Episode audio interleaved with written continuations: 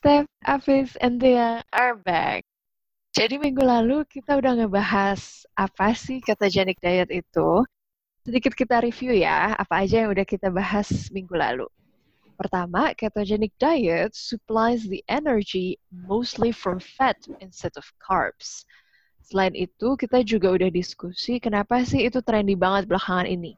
Karena betapa gampangnya untuk adopt ketogenic diet kita masih bisa ngerasain enak dan puasnya makan daging and other meat products. Walaupun bentuk menunya seperti apa tergantung juga from which cultures you're in. So, hari ini kita mau ngomongin apa lagi nih? Hari ini kita bakal ngejawab pertanyaan kalian yang mungkin mau tahu juga, does ketogenic diet actually work? Benar nggak sih itu bisa bantuin orang nurunin berat badan, Gimana nih, Steph? Oke, um, jadi gini. Biasanya habis makan, tubuh kita bakal ngeluarin sinyal-sinyal yang bahkan mempersiapkan tubuh kita buat simpan nutrisi yang kita dapat dari makanan yang kita makan. Misalnya, habis makan gula darah kita naik, terus insulin juga bakal ikutan naik. Kasih sinyal ke tubuh kita buat simpen gula itu jadi lemak. Nah, selama seseorang makan keto diet, karena energinya mostly comes from fat instead of carbs, tubuh kita bakal mikir bahwa um, tubuh ini lagi dalam kondisi puasa, walaupun baru kelar makan, karena gula darah dan insulin nggak jadi naik.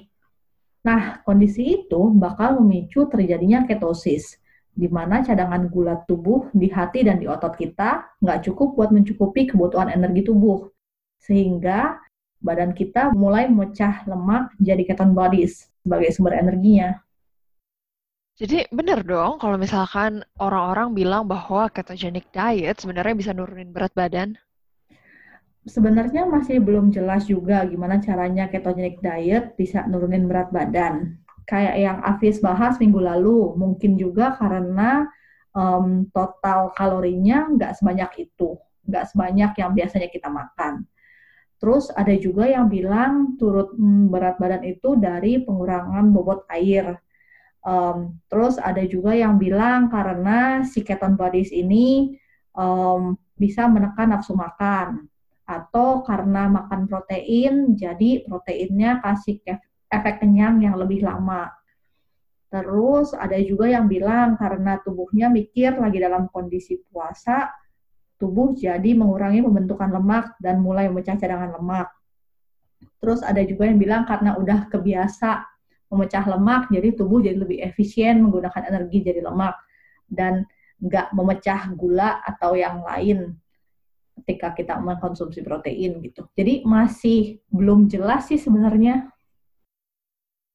Eh, tapi kalau misalkan emang ketogenic diet bisa bantu mengurangi berat badan, bisa juga nggak sih sebenarnya dibilang bahwa ketogenic diet ngebantuin ngurangin resiko of other metabolic disease? Kayak mis contohnya nih kayak diabetes gitu.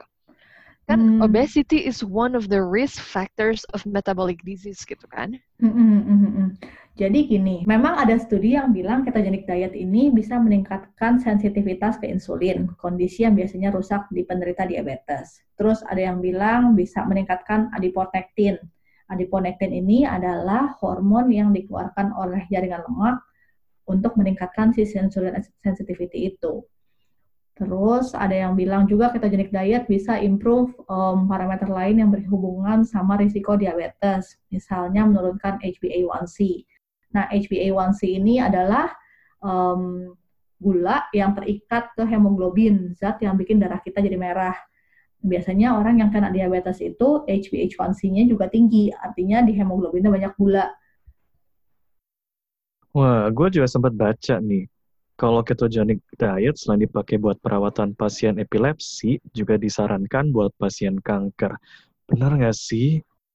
Hmm, jadi idenya gini, biasanya sel kanker tuh dapat energinya dari memecah gula. Entah kenapa si sel kanker ini lebih hobi pakai gula dibanding pakai sumber energi lainnya.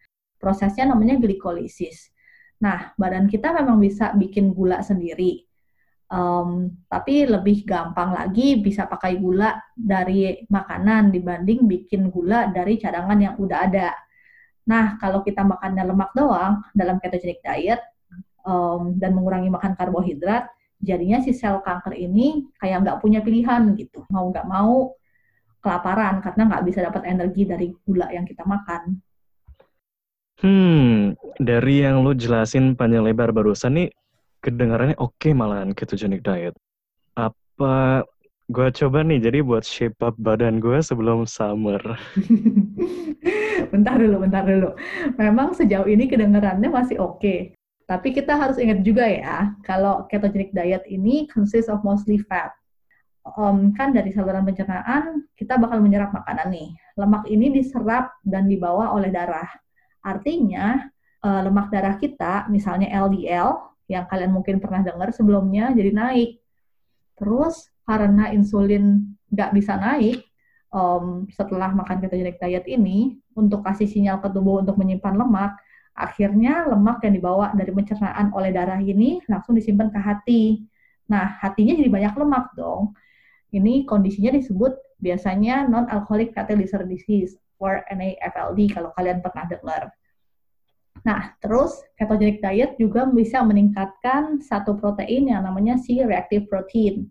Ini adalah protein yang biasanya ngasih tahu tentang inflammation status tubuh kita. Um, jadi high CRP indicates high inflammation, situasi yang berhubungan dengan um, sindrom-sindrom metabolik lainnya seperti type 2 diabetes or cardiovascular diseases. Eh, bentar-bentar. Gue jadi bingung nih Tadi kayaknya di awal-awal, sepengertian gue, kayaknya ketogenic diet ini oke. Okay. Kok terus tiba-tiba jadi kayak banyak efek sampingnya gitu?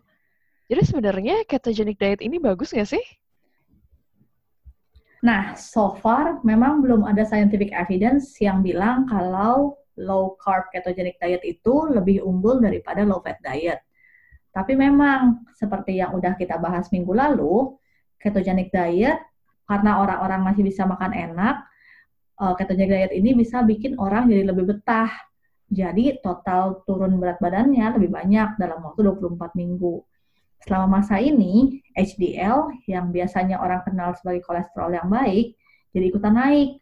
Tapi masih belum pasti efek yang didapat ini karena berat badan mereka turun dan mereka secara overall lebih sehat atau benar-benar karena si ketogenic diet ini yang bikin HDL naik. The National Lipid Association Nutrition and Lifestyle Task Force sudah bikin review berdasarkan fakta-fakta yang dikumpulkan di tahun 2019. Dari situ mereka berkesimpulan bahwa low and very low carb diets are not superior to other dietary approaches for weight loss. Memang kayaknya ketogenic diet bisa bantu nurunin berat badan dan bantu keseimbangan glukosa. Tapi belum kelihatan beda signifikan dibandingkan diet-diet lainnya. Terus, rata-rata intervention studies on ketogenic diets masih dalam jangka pendek. Jadi belum tahu pasti apakah ini aman untuk jangka panjang. Nah, ngomongin jangka panjang, kita juga belum ulas nih dari sisi gut microbiota ya kan? Mm-hmm. Jadi di usus besar kita kan banyak bakteri-bakteri nih. Dan bakteri ini juga bantu sistem pencernaan dan juga kekebalan tubuh kita. Minggu depan kita bakal kupas tuntas nih Jangka panjangnya termasuk hubungan keto diet dengan bakteri usus kita. Wih, menarik nih, Fis. Jadi penasaran gue. Jadi, kalau gue boleh simpulin dari diskusi kita hari ini, ketogenic diet mungkin emang bisa bantu nurunin berat badan dalam jangka waktu singkat. Dan juga mungkin masih bisa ngebantu untuk orang-orang tertentu, misalkan kayak pasien kanker, meskipun belum ada bukti bahwa emang ketogenic diet ini aman untuk jangka panjang. Kalau menurut gue, uh, plant-based diet dengan moderate asam lemak tak jenuh plus sedikit asam lemak jenuh dan daging untuk saat ini masih recommended sih karena terbukti emang aman, efektif, more sustainable based on the recent randomized clinical trial evidence. Nah, jadi kita akan masih bahas juga tentang the best diet ini di lain kesempatan. Tapi yang pasti minggu depan kita bakal diskusi lebih lanjut tentang gimana efek ketogenic diet on the gut microbiota. Before we see you guys next week, jangan lupa subscribe, contact us, drop us an email for any topic that you would like us to cover. The email kita podcast by set at gmail.com. Visit also our blog podcastbyset.wixsite.com slash set dash project. Instagram kita di Project by Set and support us at patreon.com slash setproject. See you next week.